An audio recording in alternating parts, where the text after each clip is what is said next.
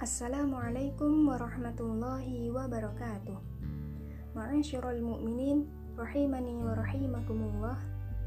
Ada sebuah ungkapan yang sering kita dengar yaitu tajrirur riyah bima la tashtahis sufun.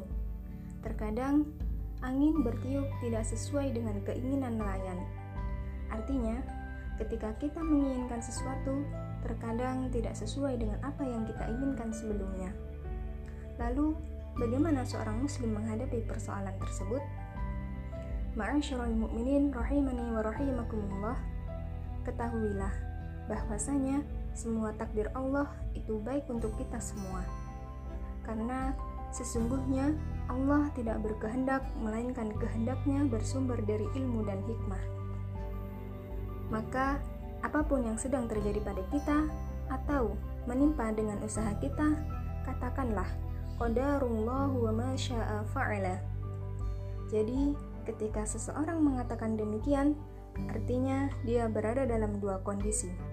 Yang pertama, ketika nikmat Allah diberikan kepadanya, dia akan bersyukur. Dan yang kedua, ketika musibah datang menimpa dirinya, maka dia akan bersabar. Itulah kunci kebahagiaan seorang muslim hidup di dunia ini. Wallahu a'lam bishawab. Assalamualaikum warahmatullahi wabarakatuh.